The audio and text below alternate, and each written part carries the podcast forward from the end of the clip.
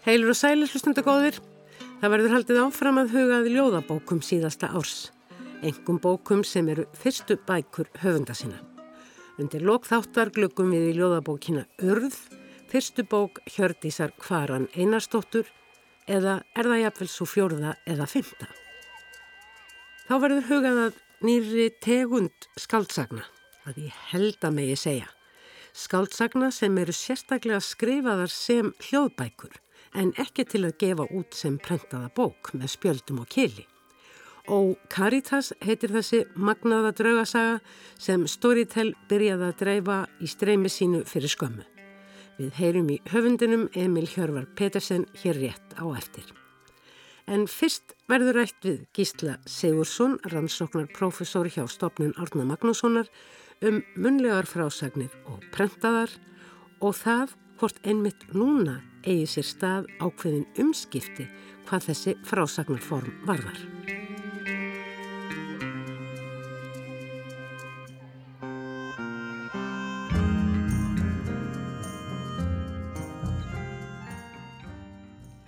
Í vikunni rakst ég á svolítið greinakortni þíska vikuritinu Dít Sætt. Því nægi makt der stimme var yfirskrift þessarar greinar, hefði nýja vald rattarinnar og þar vísað til stöðugt vaksandi vinsælda, hlaðvarpa og hljóðbóka það sem af er 20. og 1. öldinni og spurt hvað valdi þessum byltingarkendu umskiptum í samskiptum okkar. Kveikjan af þessum hugleðingum menningablaðamannsins Aleksandrs Kamman var að kvisast hafði að vesturþíska útvarstöðun, tvöfalt vafti er, ætlaði að leggja niður bókmyndagakrinni þar sem gaggrinendur kemi í hljóðstofu og læsu vandlega formúleraðar og niður skrifaðar hugleðingar sínar um bókmyndaverk upp. Nú skildi bókmyndaumfjöllun verða nútímaleg, fólk ræða saman eins og hlututin kemur því í hug á þeirri stundum. Hlustendur, almennir jæmt sem reytöfundar og útgefendur, mótmæltu þessari hugmynd sem mun hafa verið lögð til hliðar í beili. Kamman sér þessi í sjálfu sér smávægilegu átökum það hvort fyrir fram niður skrifið og greinandi ríni sé nú gamaldags og úrelt og frjáls og óþvingað samtal taktur samtímans sem teikn um nýtt tímaskeið í samskiptum og miðlun. Hefur reytað og niður njörfaða orðmunni vika fyrir henni frjálslegu og opnu munlegu samræðu og talar kaman um ein mestu umskipti samtímans. Í kjölfar segurgöngu myndarinnar, The Iconic Turn á 20. öldinni segir hann, sé nú komið að segurgöngu hins munlega eða The Oral Turn. Sigurganga hinn að prentuðu frásagna og greina með samræmdri staf og greinamerkjasettingu leiki hins vegar í grári fornesku 19. aldarinnar. Gísli Sigursson er rannsóknarprofessor hjá Ornastofnun og hefur í fræðilegum rannsóknum meðal annars fjalluðu um munlegar frásagnir, eðli þeirra, hvernig þær bárust frá kynslu til kynsluðar og voru síðan að endingu skráðanir og skinn eða pappir og enn síðar prentaðar í óumbreytanlegri mynd á bækur sem síðan hafa verið gefnar út aftur og aftur. Hvað segir þú Gísli Sigursson? Erum við að upplifa uh, stór umskipti í átt til nýrar munlegar frásagnar og hlustunar í staðis að lesa og skrifa. Er þetta eitthvað sem að þið fræðimenn eru að pæla í? Já, já, það er fólk einmitt sem er í þessum munmenta fræðum. Eh, það er hort á þetta með ánægu undanferna áratýji, þessa breytingu sem hefur orðið og byrja reynlega strax með bara netinu, internetinu að þá sáum við það að sko framsetning efnis og nýting eða tekkingaleit fólks á netinu og hún var uh, þróaðist með svipuðum hætti og svona eðlilega munlega frásögn og munlega tekkingaleit er að þú hleypur frá einu í annað og getur smelt á eitthvað sem er með undirlíkjandi fróðleik og svo heldur áfram og áfram og ert ekki að lesa alltaf bara texta með upphaf, miðj og endi mm. í einni bunu, heldur ferðu út úr honum og svo inn í hann aftur mm. og svo í aðra átt og, og svo framvegis og þetta sáum en að væri í rauninni verið að endurskapa hérna munlegu þekkingarhefð og frásagnarhefð mm.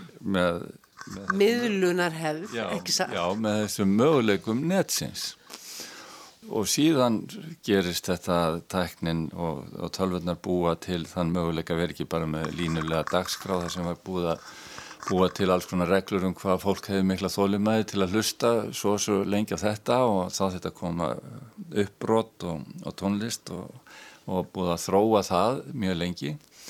En með þessum nýju miðlum þá er allt í nætt að ná til fólks á fleiri forsendum við fleiri aðstæður og fleiri hópa heldur en eru bara saman komnir við viðtækin eða í sofanum og horfa sjónvarpið.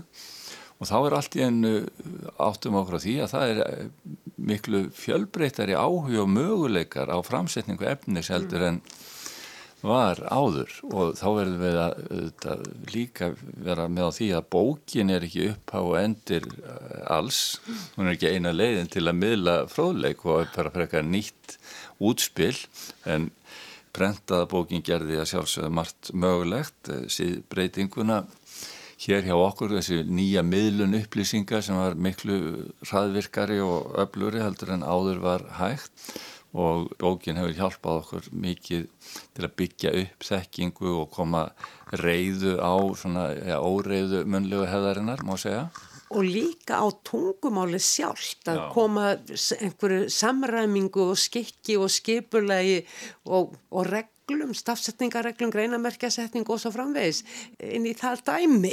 Já, já, allt öll þessi reglufæsta sem okkur finnst svo sjálfsög og við höldum að sé einhvern veginn orðin æðri tungumálinu. Það er líka orðið þannig að við höldum að reglurnar komið fyrst og tungumál svo en í rauninni er það hins einn tungumál kemur fyrst og svo er mm. reglurnar mótaðar og grundvælið þess og við hefum líka stíið sko, í þá átt að halda að, að listina segja frá, listina yrkja, ljóðlistin og sagnalistin að þetta sé rítilist. Listin er ekki svo að skrifa þó að það er bókagerð, sé listformi sjálfu sér og það sé að þetta gera bækur fallegar og láta textan líta mm. allavega út. En þá er sagnalistin og ljóðlistin er í eðlisinu munlegt listform.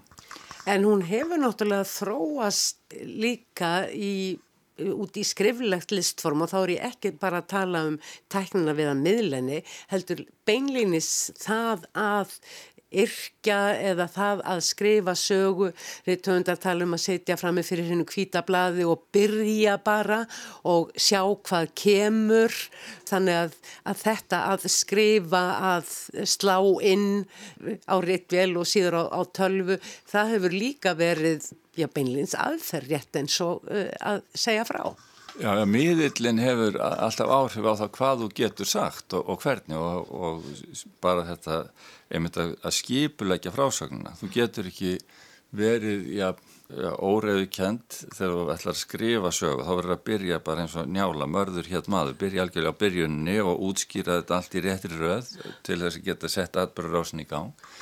Að hafi eins og við haldum um örg efni njálu verið þekkt einhverju leiti meðal þeirra fyrstu áheyrjanda en að skrifuðu sögu hluti af munleiri frásagnarhefð þá hefur svo hefð aldrei verið þannig að hún hefur byrjað alltaf á, á þessari setningu, mm. mörður hér maður heldur er þetta að segja innan úr svona miklum sagnaheimi frá einstakum personum, einstakum atbyrðum fram og tilbaka, ólíkt fólk leggur fram ólíkar sögur, ólík sjónarhóttn mm. og og, og þetta er miklu óreiðu kendari heimur, sagnaheimur heldur en það sem að endar síðan á skinninu það sem þarf að koma einhverju skikki á þetta. Og þetta er mjög erfitt ferli, mjög erfið umbreyting og það er meirinn að segja það að fanga óreiðu munlegu hefðarinnar á bók með þessum hætti, það er algjör ja, bilding í, í frásagnarlist má segja að, að, að gera það ef þetta er það sem koma skal að við munum miklu fremur bæðir hlusta og eh, segja frá heldur en að skrifa og lesa og, og geima í, í, í möppum. Eh, erum við þá leiðin í svona nýja óreiðu? Ég veit nú ekki hvort að, að þurfa að hugsa það endilega þannig að þetta gamla góða bóka, bókmæntaform eh, hverfi en en það kemur í ljós að það hendar mjög mörgum, jáfnveil betur heldur en að lesa, að hlusta.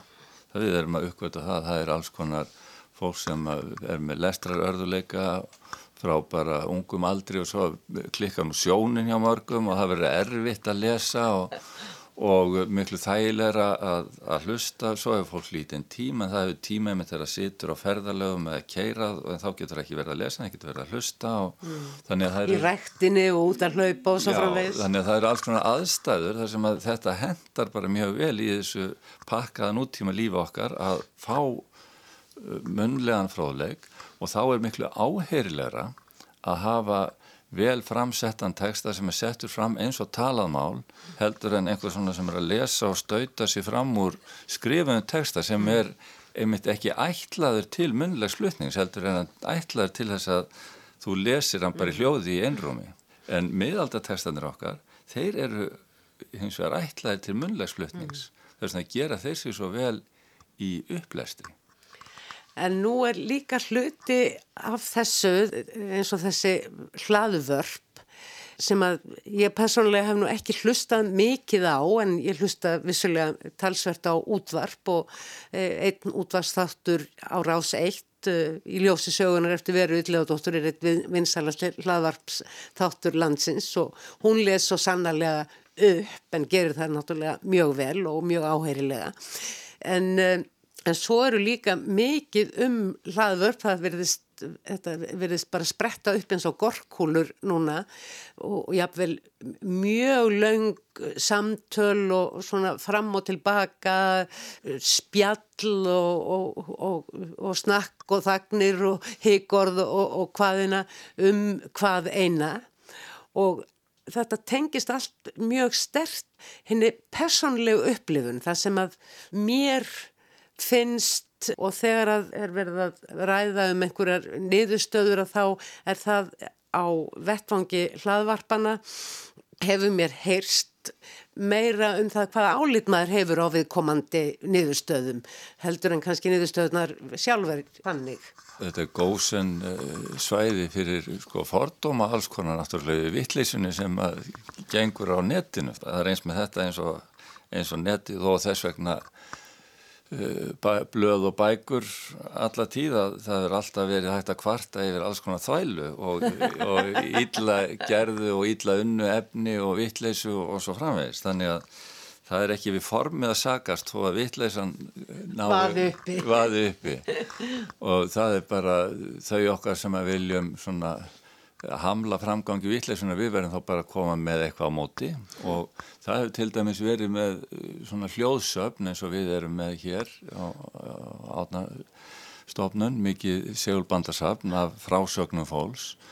Að slík söfn hafi verið að þreyfa sig áfram í eh, einmitt þessum uh, hlaðvarpseimi hvort að þau get ekki færða matreiða viðtölinn sín og gera þau aðgengileg inn í einhverjum pakka vegna þess að þetta er aldrei óárennilegt fyrir fólk að fá bara 3000 klukktíma af hljóðritum og, og hvað er á ég að byrja, hvað er mm. eitthvað áhugavert, það verður einhver sem að veit eitthvað um safnið að draga það fram, að ja, dra, draga fram það sem er áhugavert vegna þess að veruleikin er svo kátískur að ef þú ætlar bara að horfa á hann mm. um, út um vefmyndavél eða með hljóðnum að þá þar þau átt að býða eftir hérna, einhverju áhugaverðu ansi lengi mm. og uh, þetta er held ég bara uh, eins og svo margt áskorun að, að nýta miðlana til einhvers góðs og, og þarna er greinilega e, nýtt form sem að hendar mjög vel til þess að koma á framfæri því sem við höfum vanist að sé best að skrifa um í dagblöð og, og, og betri tímaritt og bækur en það er greinilegt að það hendar mjög mörgum að hlusta á mm. sambarlegt efni framsett uh, með já, þeirri svona ímynda það sem verið að segja frá og ekki bara verið að lesa blæða sjálfsögur getur það verið gert mjög vel eins og þú, þú nefnir og hjá, hjá veru og, og það er held ég enginn sem heldur því fram að, að það sé ómögulegt heldur er er þetta ná meiru fram ef að það er raunveruleg munlega frásögn fólk sem er þjálfað í að, að segja þannig frá mm. og uh, vegna þess að það má segja ef við förum aftur, aftur fyrir upphaf rittaldar þá er það náttúrulega miðlunar form og sem við erum sko frá mm. bara upphafi mannsins genetist forritu til þess að meðtaka. Og svo var það bara að segja má handsamað og sett í, í, í rétt eða stíu og allt sem var skapandi í sambandi við tungumáli það skildi reytað. Eða í mestalagi sungið. Já, já, og, og að, það er ekki þannig að það sé sko munlegt frásagnarfán sé einhvern veginn mjög óskipulegt og, og kátist og sé einmitt á þessu svona spjallformi að, að við höfum dæmi um það að e, munlega framsetning getur sko orðið mjög formlega eins og við höfum í drótkvæðunum okkar gamlu, það er ekkit sko hipsum haps sem að fer inn í þau og þannig að það er alveg frá óformlegu spjalli inn í þann svakalega mm. uh, þraunga ramma sem að við getum talað um munlega hefð. Hljóðbókin eh, hefur náttúrulega verið til bara alveg frá því upptökutæknin nánast var til hljómplutur og, og geisladiskar ljóðalestur á hljómplutum og heilu skáldsögurnar á geislaplutum og svo framvegis. En það er ekki fyrir þessari öld að þetta verður svona stormarkaðsvara um allan heim. Og nú er svo komið, ég ætla nú að ræða hér og eftir í þættinum við Emil Hjörvar Pettersen en það er nýjút komin sem hljóðbók, líklega fyrsta sagan sem er skrifuð benlinis fyrir þennan miðil á íslensku en uh, hljóðbóka streymisveitur eru farnar að, að semst bara fá höfunda til þess að semja sögur og setja þeim þá vantarlega, við fáum vantarlega að vita þá eftir hjá Emil Hjörvar, einhverjar ákveðna reglur um hvernig halda megi aðtegli í þessari frásögn. Og svo maður líka einmitt hugsa um eina ja, aðferðin sem munlega hefðin stiðist við, það er að tengja sig við staði og personur og einmitt að þú nefnir að við erum að ferðarlegum að nota þetta þá er þetta að byrja að semja inn í notkunnar rammafóls mm. að þú þarfst að hafa uh, hljóðvarp eða hlaðvarp fyrir leiðina norður til akkuræri í bílinum mm. einhverja svona bókmæntarlega vegahandbók mm. Og, ekki bara fletta upp heldur fá það einmitt í eirað láta já, einhvern segja þér frá. Já, já. fyrir nú utan að það er eitthvað alveg ótrúlega hlýlegt og notalegt og uh, uh rött veitir öryggiskend nema hún sé náttúrulega skammamann eða eitthvað svolítið Já, já, þessi hugmyndum leiðsögumanni er þetta að útfæra hana með mjög bókmyndalegum hætti inn í svona aðstæður, inn í landslag inn í hlaupaleðinaðina eða, eða hvaða er. Og þetta er eins með margt að fólk á eftir að læra á miðlinn, læra á formi hvað er hægt að gera öðruvísi í þessu. Það tók fólk mjög langan tíma til dæmis með riðlistina átt að segja á að það þurfti ekki að vera að skrifa bara munlega sögur. Það var hægt að semja eitthvað alveg nýtt efni bara fyrir bókina sem var ekki hægt að hafa á munlega forminu og ég held veginn bara eftir að sjá meira og meira því að við uppvöldum og þrejum okkur áfram með þennan nýja miðil og þetta nýja form. En um, ertu sammála því sem að kemur fram í þessari grein sem ég vitnaði í upphafi að uh, prentlistin hefði átt sína stórsigur göngu á 19. öldinni síðan hefði komið sigurganga myndmálsins á þeirri 20. og nú værum við komin sem sagt í óral eða, eða sigurgöngu hins munlega, rattarinnar. Já, ég myndi nú kannski vilja eh, lengja Sigur Göngur yllistarinnar svolítið í báða enda. Þannig að, já, mér finnst það óþarlega neikvæðu líka út í þetta munlega, það er nú það sem mér fannst svona einkennilegast við hann. Það sjálfsögðu er margt eh, hérna, óformlegt og ítla orðað og ítla hugsað sem að veldur upp úr fólki ef að hljónuminn er alltaf fyrir fram að það en það er vel hægt að undibúa sig eh, betur og koma góðu efni á framfæri á, á þannan hátt. Mæliskulistin og fordlistgrein? Já, einmitt, það er ekkert síður heldur en með riðlistinni og það er, einmitt, mæliskulistin er fyrsta listbrað þeirra sem ætla að komast til valda og áhrifa og koma hugmyndu sínum á framfæri. Það er munleg mælskulistin ekki það að kunna halda á penna og mm. og skrifa eitthvað gott niður. Það, það eru spennandi tímar í, í hvers konar miðlum því að þetta er svona orðið daldið jafnfætis. Röttin, hefur talaðamál, myndmálið og rittmálið. Já, fætis, já, ég, ég veit ekki hver á að mæla það. Það er, eh, ég held að orðið sé alltaf daldið mikið á undan að eh, vegna þess að ef það ekki fylgir orða þá ertu meira með hughrif tónlistarinnar og myndlistarinnar að það er orðin er alltaf það reyfi af sem að kemur öllu að stað Kæra þakkir Gísli Sigursson. Það var gaman að spjalla við þig um hræringar, miðlunar og samskipta í samtíma okkar. Takk fyrir.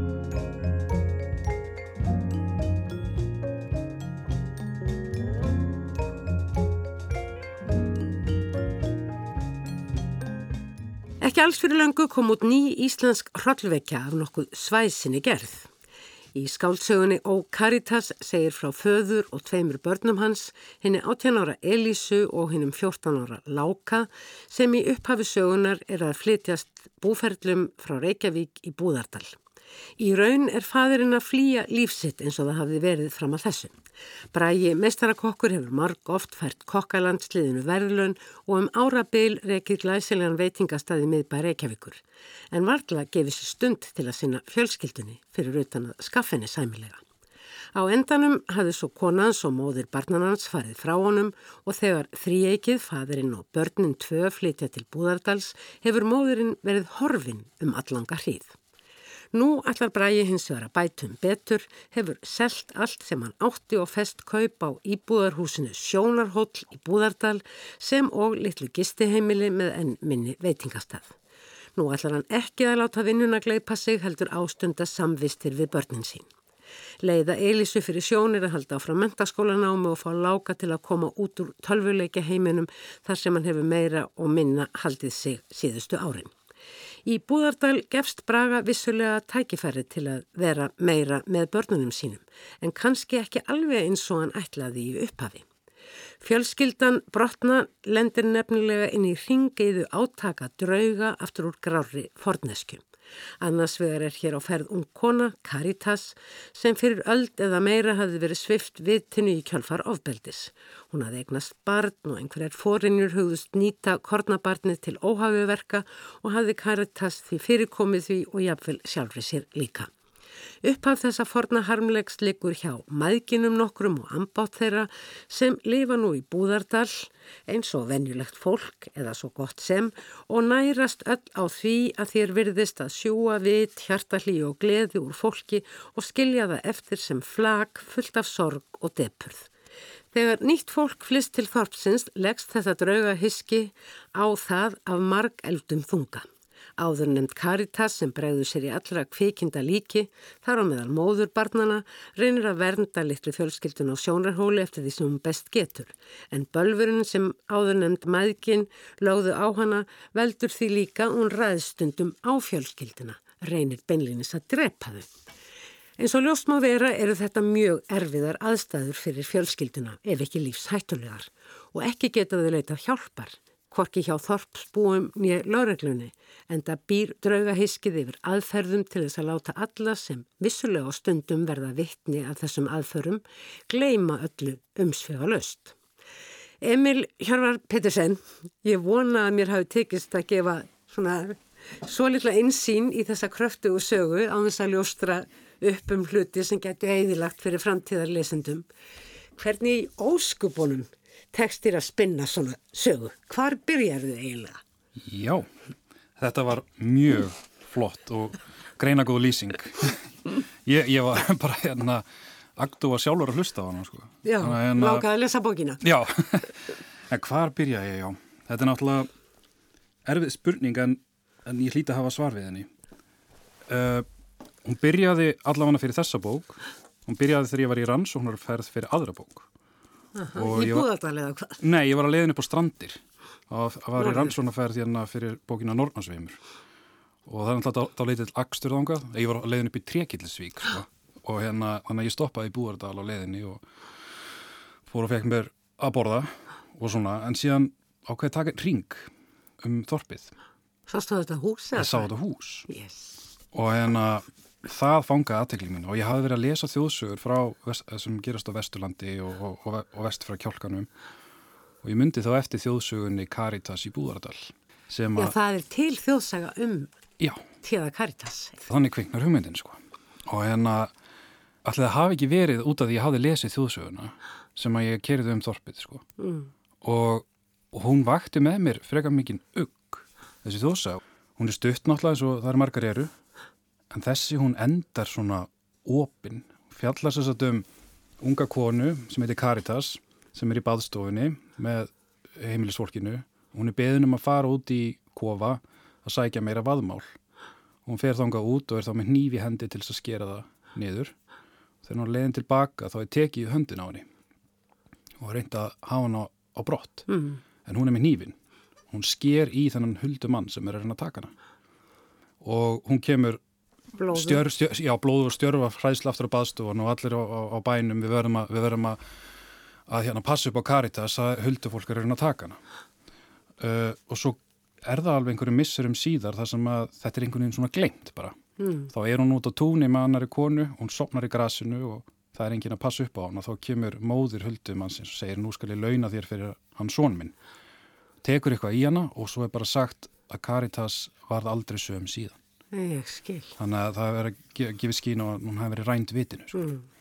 Þetta er bara svona grunn hugmyndin, sko, neistin. Já, þetta er náttúrulega sko. allt mun floknara og, og, og, og meira um sig í, í bókinni. Og þegar ég sá þetta hús og, og líka Þorpið Búardal uh, sem að lætu lítið yfir sér, sko, þegar maður keir, að keira bara flestir hann í gegn, sko, en ég hugsa að hér er sögusið fyrir hróllauki og hér, og hérna, uh, og já, ég hef náttúrulega, þú veist, skrifað svona, Allur margar bækur, já, fantasíu trílöku um gömul norræn goð sem Já. lifðu af Ragnarök og, og svo hefur undanfarið e, e, hafa verið að koma þessar bækur um aðgurna Bergrun og Brá sem að kljást við Já. sagamál sem oftast tengjast einhvers konar vættum, svona blanda á sagamálasögu, fantasíu og samtímasögu. já, En hér er komin draugasaga og maður spyr sig hvað kemur næst. Já. En það sem að náttúrulega einkennir þessar bæku þínar er hversu, sko, þú ert alltaf í samtímanum. Þú ert að fást við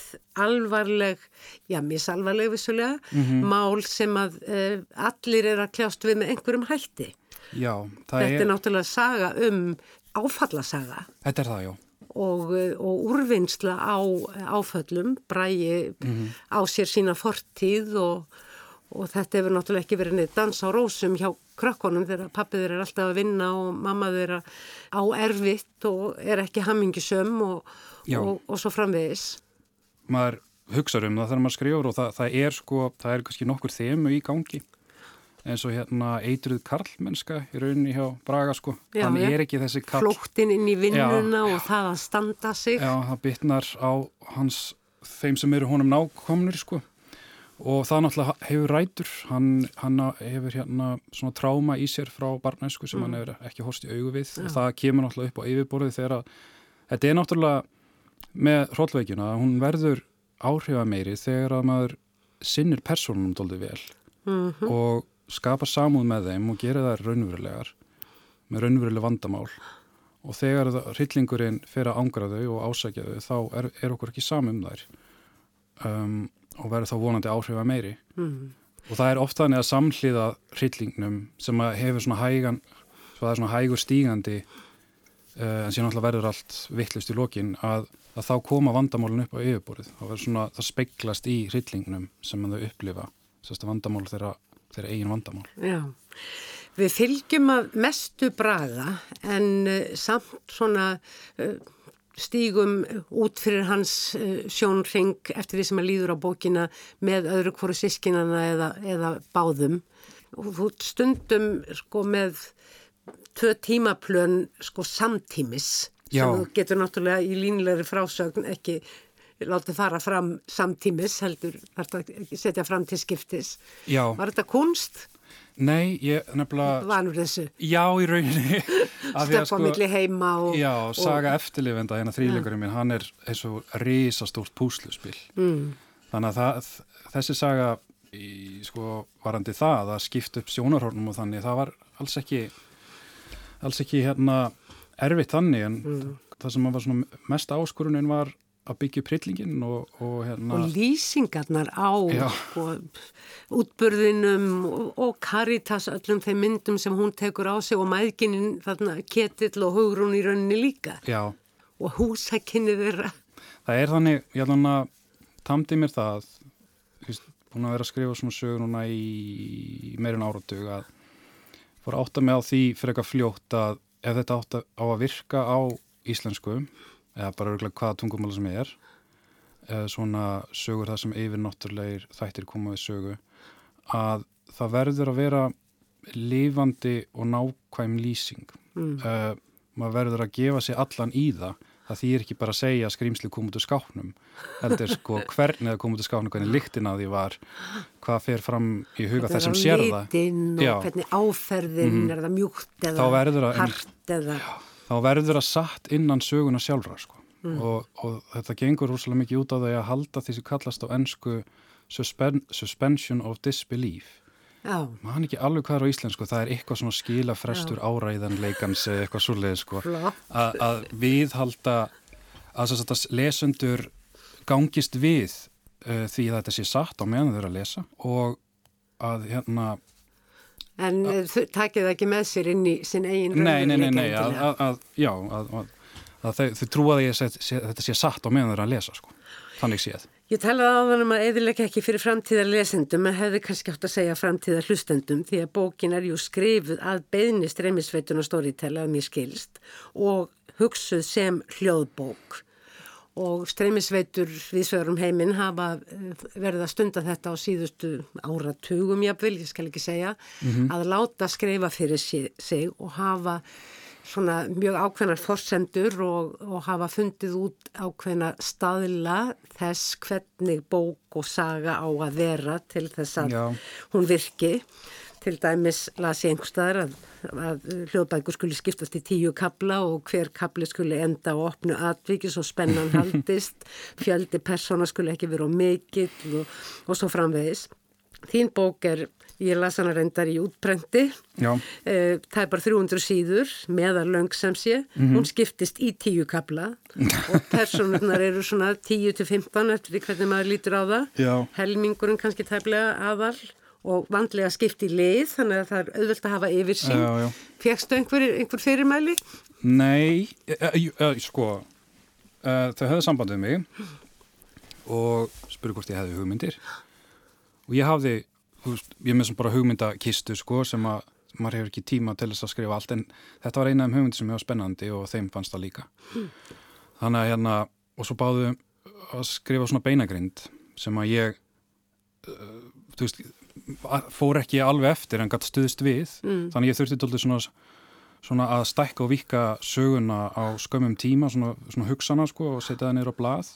Og þegar það var samþýtt á skrifundi samning og þá fór ég bara til Búðardals og dvaldi þar og og rannsakaði. Mm. og hérna talaði fólkið og gisti mitt á þessu gisti heimili sem það gerist á og svona. Og hérna svo byrjaði bara að skrifa og ferlið, jú þetta var sko upprönnulega átt þetta að koma út sem tíu þættir já, já. en samt sem samfelt skáltsaga en það var ákveð að hafa að, að vist, einhver pælingjóðstóri til að hlustenda upplifun er vist betri ef það er einn samfelt uh, saga að það sé ekki verið að gefa út í, í þáttum mm. sko Hugsaðu þú þetta eitthvað öðruvísi heldur en mm. aðra bækur þínan vitandi það að þetta myndi berast uh, lesendum þínum í gegnum eirun? Um, stundum já. Þetta var sko, ferlið var bara eiginlega nákvæmlega eins og ég skrifa mjög svip og ég skrifa vennilega skaldsun. Ég þurfti stundum að staldra við og hugsa kannski þarf ég að lýsa að þessu á aðeins mér í sjónrænan hátt. Mm. Uh, ekki vera kannski með hálf, og, og mikið hálfkveðnum vísum og svona þannig að hérna og samtölinni laði mikið upp og þau voru lifandi og, og karakterar personur tala ólíkt og þannig um, sem að síðan skila sér til þessum lasbókina leikarin Guðmundur Ingi Þorvaldsson mm -hmm. gera mjög vel sko ég hafði eitthvað spáið að lesa sjálfurinn ég hugsaði kannski kannski hérna nógu... Alveg skott ekki, láta fagmannum það. Já, já, akkurat. Ég er fagmaður í öðru. Akkurat að, að taka ábyrð á sögunni, það er alveg nóg, sko. Mm. Um, af því að hérna ég fór að sjá að þetta var uh, myndin á, uh, þú veist, þetta er eitthvað aldrei svona kynnt, sko. Þannig að hérna pressan var aldrei, maður fór að finna bara svona fyrir einn pressu undir lokin, sko. Mm. En þetta er stöksaga. Þetta er stök, já, þetta er stöksaga. Og, og það hljómar þannig að, að stóri til að panta þessu sögu en þeir raunir bara hafðu samband og spuru hvort þið verður með hugmyndir. Mm. og ég fekk mjög góða reittstjórn uh, og, og vann nái með reittstjórnum en sagan er alltaf mín og, og loka svona ákvörðun hjá, var hjá mér en, en ég, ég gerði málamiðlanir. Það, það var svona stundum uh, var kannski aðeins svo mikil yfirnáttúra en hérna ég hérna, þetta er bara ferli eins og hvað annað sko.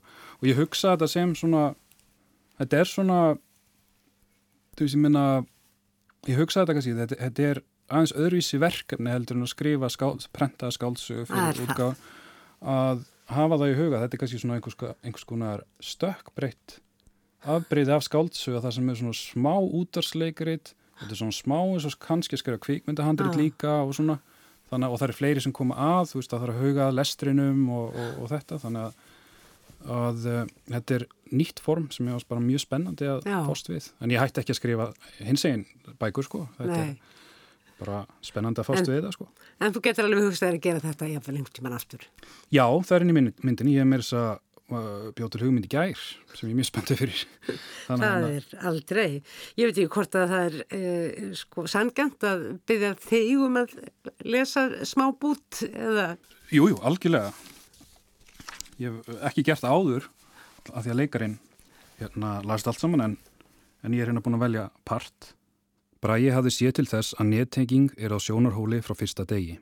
Hann hafði lofa láka því og nú fegin hafa gert það Vegna flutningana hafði Bræi mista viðregn Manchester United og Liverpool en hann hafði keift aðgangað fókbóltastreymisveitu og gatt við hort og leiki þegar hann listi og meiri að segja fundi til spennunar, svo lengi sem enginn segði honum frá niðurstöðum. Hann sótti fartöluna með það í huga að liggja með hann í kjöldun í sófanum en fyrst, hinn pilsnerinn sem hann hefði keift í krambúðinni. Hann fór fram í eldús en þegar hann gaut augum snöggast út um gluggan sá hann mannesku standa kyrra á gangstéttinni hinum megin götunar á horninu þar sem búðarbraut og sunnubraut mættust. Mannenskjan var síðarð en erfitt var að greina hvers kynns hún var þar sem hún stóð rétt utan við skímuna frá ljósastörnum. Hún sneri átt á sjónarhóli. Bræi talti þetta vera nágrann að nýsast um aðkomi fólkið og árætið að best væri að sínast vinalegur. Þorpsbúar voru jú væntalegir viðskiptavinir. Hann veifaði og brosti.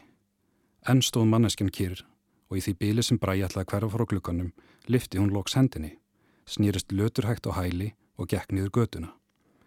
Bræi staldraði ögn lengur við, fyldi henni eftir það til hún gekk undir næsta staur og sá þá á baksifnum að þetta var kona með sítt rauðbrunt hár. Hún var grönn og þó kröftulega vaksinn og klætti síðan svartan kjól. Hún var berfætt, skref hennar voru nákvæm og létt og þá var eins og hún liði niður brekkuna. Engin annar var á ferli. Hanna eru fyrsti kynnin við eitthvað sem er kannski ekki alveg eins og það á að vera. Emil Hjörvar Pettersen, það var gaman að lesa svo svo og ég týndi mér alveg í henni. Hún er gríðarlega spennandi. Rosa gaman að heyra. Og bara gangiði vel. Þakka þið fyrir.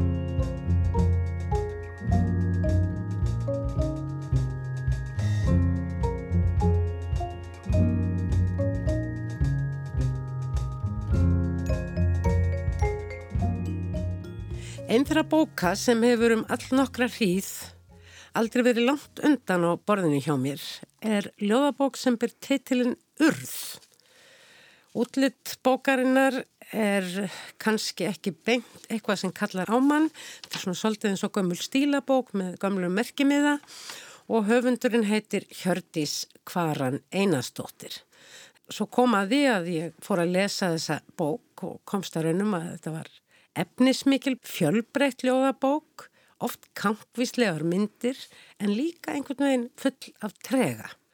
Og ég var einhvern veginn alveg vissum að þetta væri fyrsta bók höfundar sem ég auðvitað tók við þetta tækifæri að leita mér svolítið upplýsinga um og komst að raunum að Hjördis Kvaran Einastóttir er verðandi miðaldafræðingur eða nú þegar miðaldafræðingur og grunnskólakennari og urð er hennar fyrsta ljóðabók en um leið alls ekki svo fyrsta. Þú ert búin að vera yrkja lengi Hjördis Kvaran Einastóttir. Já, síðan í mentaskóla. Hérna, ég sagði að þetta væri efnisleg ljóð og, og einlega bæði glöð og harmræn. Það er ákveðin léttleiki í stílnum en það er mikill treyji svona í innihaldinu. Já, e, þau ljóð sem voru valin í þessa bók voru valin að lokum, þau voru mikið fleiri til að byrja með sem voru í pottinum en voru að lokum valin vegna þess að ég vildi segja ákveðna sögu. Og ef að bókin er lesin í heild þá er þarna ákveðin saga en svo má þetta lesa hvert á eitt ljóð bara sem sjálfsagt ljóð eins og með öll önnur ljóð Þess vegna er þessi trega þráður í henni en líka ákveðin léttleiki og gleði og, og svona ákveði líglað. Já, það er svona, svona ég læti það bara flakka Já. á köplum en Já, það sem gerir hana svo snarpa eða gefur henni einhvern veginn svona mikinn lífsneista er að tregin kemur þarna á, á móti Já. og hann er alveg ekta líka. Já, lífið er bara svolítið þannig. Þetta er svolítið örlaga saga eins og kannski titlar þessara þryggja hluta sem að bókin er samsett úr Já. bera með sér en það er þessi örlaga setning engin ræður för. Já, hún sókti mjög á mig þegar ég fór að hugsa um að búta bókina niður í kabla og hún bara vildi ekki fara þannig að enda með því ég leiði henn að vera. Ég hef nú svolítið á tilfinningun að þú fylgir svolítið innsæinu svona Já. Allavega í sambandi við, við ljóðagerðina. Stundum vilja orðin bara vera og þá leiði ég þeim að vera. Horfir á þau og þau kalla ekki á neina breytingu og Vissulega, þau eru oft búin að gerjast í höðun á mér áður en ég svo sem punktaði niður hjá mér og þá kannski breyti ég ekki miklu eftir að þau eru komin niður á blað. En eins og ég sagði á þann að þá er þetta þín fyrsta ljóðabók en samt ekki svo fyrsta því að þú er gefið út eitthvað sem þú kallar ljóðahefti ljóð sem ég fann og gaf vini mínum sendur frá því 2006 og áður hafður sendt frá því vitt, návíu, svört orð Já. þetta nær alltaf aftur til ásins 2002 Svört orð, uh, návi og vitt eru, er svona trilógía. Það, er, það er, eru systur. en þetta eru alveg ljóðabækur Já, já, en þær voru gefnar út í mjög takmörkuðu upplægi ætlaðar sem upphæðlega sem jólagjafir og uh, er ekki skráðar í kerfinu og sama er að það er segja... ekki ESPN-númer Nei, þetta er svo fyrsta sem er þar sko. Hvað kom til að þú ákveður að nú skuli þetta verða bók, nú stýjurðu fram ofinberlega með ljóðabók? Eh, Það var svolítið, ég var lengi, lengi búin að ganga með því, þessa hugmyndi í maganum að gefa bljóðið mín almennilega út og það meina ég þú svona ESB-númer og alveg dæmi. En einhvern veginn bara var ekkert úr því, kynum árin. Elstu ljóðin í sér bóku eru 30 ára, yngstu eru bara síðan í fyrra sko. Það er líka það sem að... Þannig þetta er uh, sínuleiti ljóðasafn, um leiðir þetta sko, þarna er einhver saga, eins og ég segir þetta að aftan á bókinni. Já, að lokum hafa valdi í ljóðin saman markvist, þau eru markvist valin saman til að segja sögu þó þið séu ekki endilega orrt uppalega til að segja þessa sögu. Það vill hann til að, það, já, einu og hálf ára síðan þá er ég bara heima hjá mér í róleitunum, hvað hlusta á sögu og storytell og eitthvað svona og fæ þá allt í einu SMS í síman, ég er nú svo óvinnið að fá SMS að ég alveg, hm, hver er að senda mér SMS? Og ég fer og skoða þetta og þar eru skilabóð til mér frá manni sem að segir þakkaði fyrir ljóðið þitt ef ég fann það og las það og að því að uppáhalsljóðið mitt er if eftir Röttjörn Kipling. Og ég er bara svona rosalega þetta sérstök skilabóð skemmtileg, spennandi. Og hafi ég einhver tíma, ég er svolítið svona forlega trúar, ég er svolítið á því að hlutinir eiga stundu bara svolítið að gerast einhvern veginn og það er svona er eitthvað sem vakir yfir manni. Bókin ber það með sér. og hérna og ég lesi þetta ljóð eftir kipling. Ég þurfti svo mikið að þessum skilabóðum að halda inn í lífið mitt á þessu var nýbúin að gangi einhvern frekar erfiða hluti og þarna bara akkurat kom bara skilabóðin stætt í lappinastelpa og hættu þessu pípi. Og hérna út ljóðabók. Já, við, ég, að, semst, ég svara manninum og við fyrir að tala saman, hann fyrir að spyrja að því hvort ég hafi gert eitthvað meira með ljóðin og hvort ég hefði sami meira. Og þetta verður einhvern veginn sparkið sem ég þurfti, fara virkilega að pæli þessu. Og ég bara ákvaði að vera nú ætla ég bara að láta verða af þessu. Ég fyrir að stað og fyrir að týna saman ljóði mín og þetta var svolítið handleikur því þau voru út um allt og svo var ég að lenda ítrekkaði því að finna eitthvað annarkvort í skjölum eða bókum eða eitthvað og maður, rosalega er þetta flott. Hver alltaf hafið samið þetta? Og ég, það tók mér svolítið, ekki nei, nei, það tók mér svolítið- gert það sjálf? Föstu dagurinn 13, til dæmis eitt svo liðsljóð og ég bara, hvaðan kom þetta? Já, heyrðu, þetta er í eftir mig.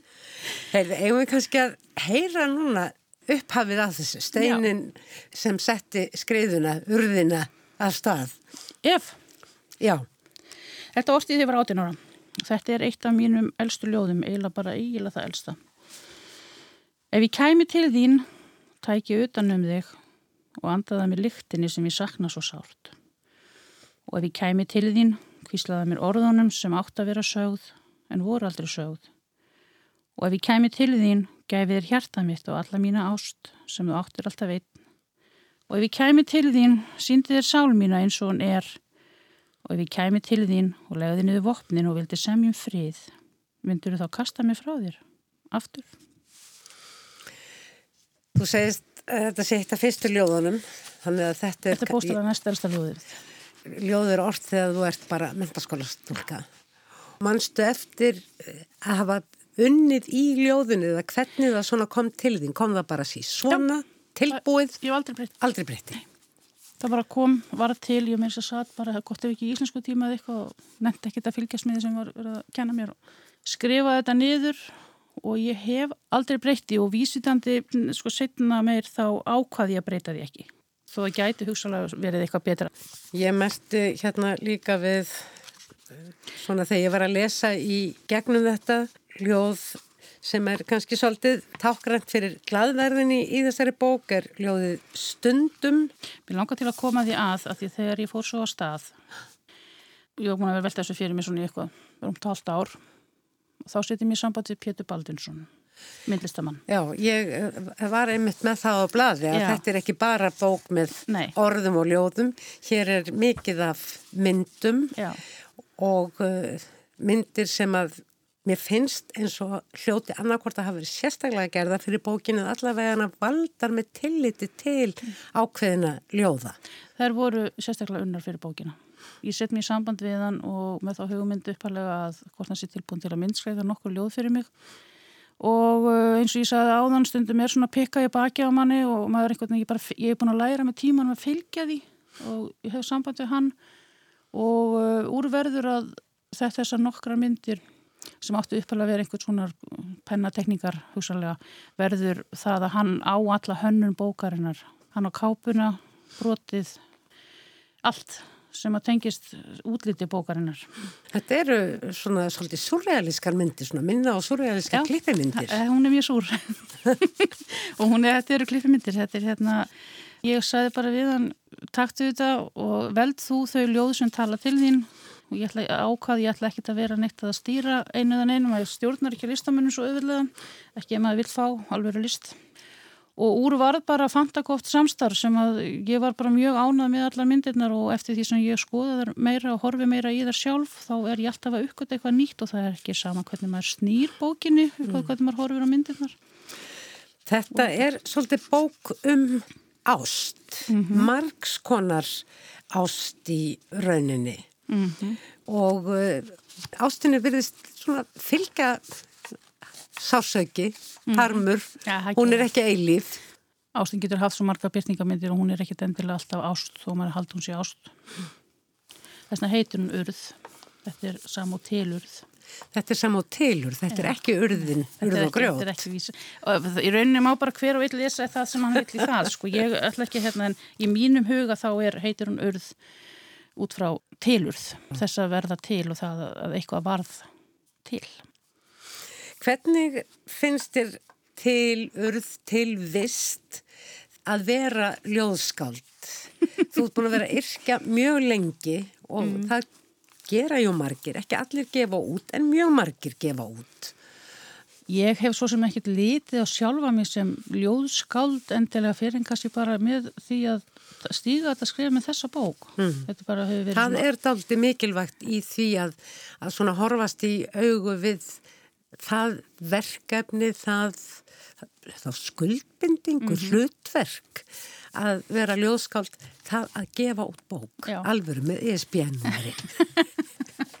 Nákvæmlega, en sem sé það er eiginlega meira með þessari bók og því sem hefur verið, þetta var svo skemmtileg svona, skemmtilegt ferðalag að gefa þessa bók út, þetta gerðist einhvern veginn á háréttum tíma í mínu lífi. Og ég hef svona kannski eins og þú segir, verið að kannski bara gútir að sjálfa mig eitthvað sjálfur mér sem ljóðskald, að ég raunverulega hef eitthvað að segja með því að gefa út þessa bók og viðbröðin sem ég hef fengið við henni eins og maður sjálfur er maður svona kannski duglegastur í, í kakrininu á sjálfan sig og mér hefur oft fundist ég kannski ekki, annarkot ekki verið að segja eitthvað að viti eða hvort það skilst yfir höfu sem ég er að reyna að segja eða eitthvað svona, þegar maður er svo mikið fastur þarna, þess að þarf maður að gera þetta. Leifa þessu að fara á flug, auðvitað sjálfstætt líf og klippa svolítið náplastrengin og leifa þessu að lifa sjálfstæðu lífi. Og við byggum til þetta útgáfi félag, kóla, bókaútgáfunu kóla og bakvið þetta. Kóla er ég í rauninni, skessan. Og hérna og uh, Kóla er að fara að gera meira. Við erum lögðast að með aðra bók sem að er ekki lögðabók hún ekki, verður ekki eftir mig nema að hluta. Myndabók eða? Það er líka verið líka myndir í henni. Allt, allt, allt öðruvísi. Spennandi En höldum okkur við örði, ég myndist þarna á tvö ljóð stundum mm -hmm. og, og segður hétt hitt, mm -hmm. en uh, það verður gaman að heyra eitt, tvö ljóð til viðbótar. Já, viltu að ég lesi stundum? Gerðu það til dæmis. Stundum. Stundum finnst mér gaman að spegla mig þegar ég sætt. Að syngja þegar ég held lægi. Að vera full þegar það er gaman. Að yrkja þegar ég á til orð að þykjast þegar ég er bara ég að vera til þegar þú vilt vera með mér. Mér hefur nú verið sagt að þetta sé nú bara svolítið í svo hugum sumra ástin holdiklætt Já, sveimir þá. Já, en þetta er nú bara samt svona samið bara því það var gaman að semja þetta. Já, þetta er, er skemmtilegt ljóð og svona eru þau mörg en svo eru þau líka eins og ég komið inn á full af trega og miklum tilfinningum. Þetta er kannski að heyra eitt slíkt svona lókum Já, mér langar í því samhengi að lesa hérna ljóð sem heitir Sorg. Og það er ljóð sem að er samið um móðusystu mína. Uh, hvað er það nú? Það átt að hafa blaðsíðu tal. Nei, já, hvað vísvitandi hafa það ekki. Það þarf ekki að tróðurlun í form og ramma. Fólk verður bara að leita. Mér sé ég. hérna, sorg er um móðursystur mín og þurrið í kvaran og minn söknu til hennar. Þetta er tölvöld gamall ljóð og ég veit að mjög maður það hefur talað til margra Dóttir mín var að gefa út lag núna um daginn sem heitir í fjarlaganskugga sem er fyrsta setningin því hún tók sér til fyrir nokkrum árum síðan og samti lag við þetta og svo jók hún við textan þannig að það er nýkomið út. Og það er svo gaman að sjá hvernig þetta lifir einhvern veginn og tekur breytingum og verður og maður bara, svo sest maður bara niður með popp og kokk og horfir á þessu þróun sko. Þegar, mm. maður, þegar maður er búin að sleppa takinu. En sorg er svona, stendur kannski hjarta mín að mörguleiti næst hvað sorgar trega hlutan varðar í þessari bók. Og það er svona. Í fjarlægum skugga þú situr hjá mér og nóttin fyrir þungi yfir hafið. Tilveran læðist svo tætand og ber og nóttin fyrir dimm yfir hafið. Ég átti mér draum sem var lífið með þér og nóttin fyrir hljóð yfir hafið. Samt er það þó sorgin sem spyr og sem er. Ertu fugglinn sem flög yfir hafið Hjördis Kvaran Einarstóttir til hamingu með urð. Takk fyrir. Og takk fyrir komuna. Takk fyrir að lefa mér að koma.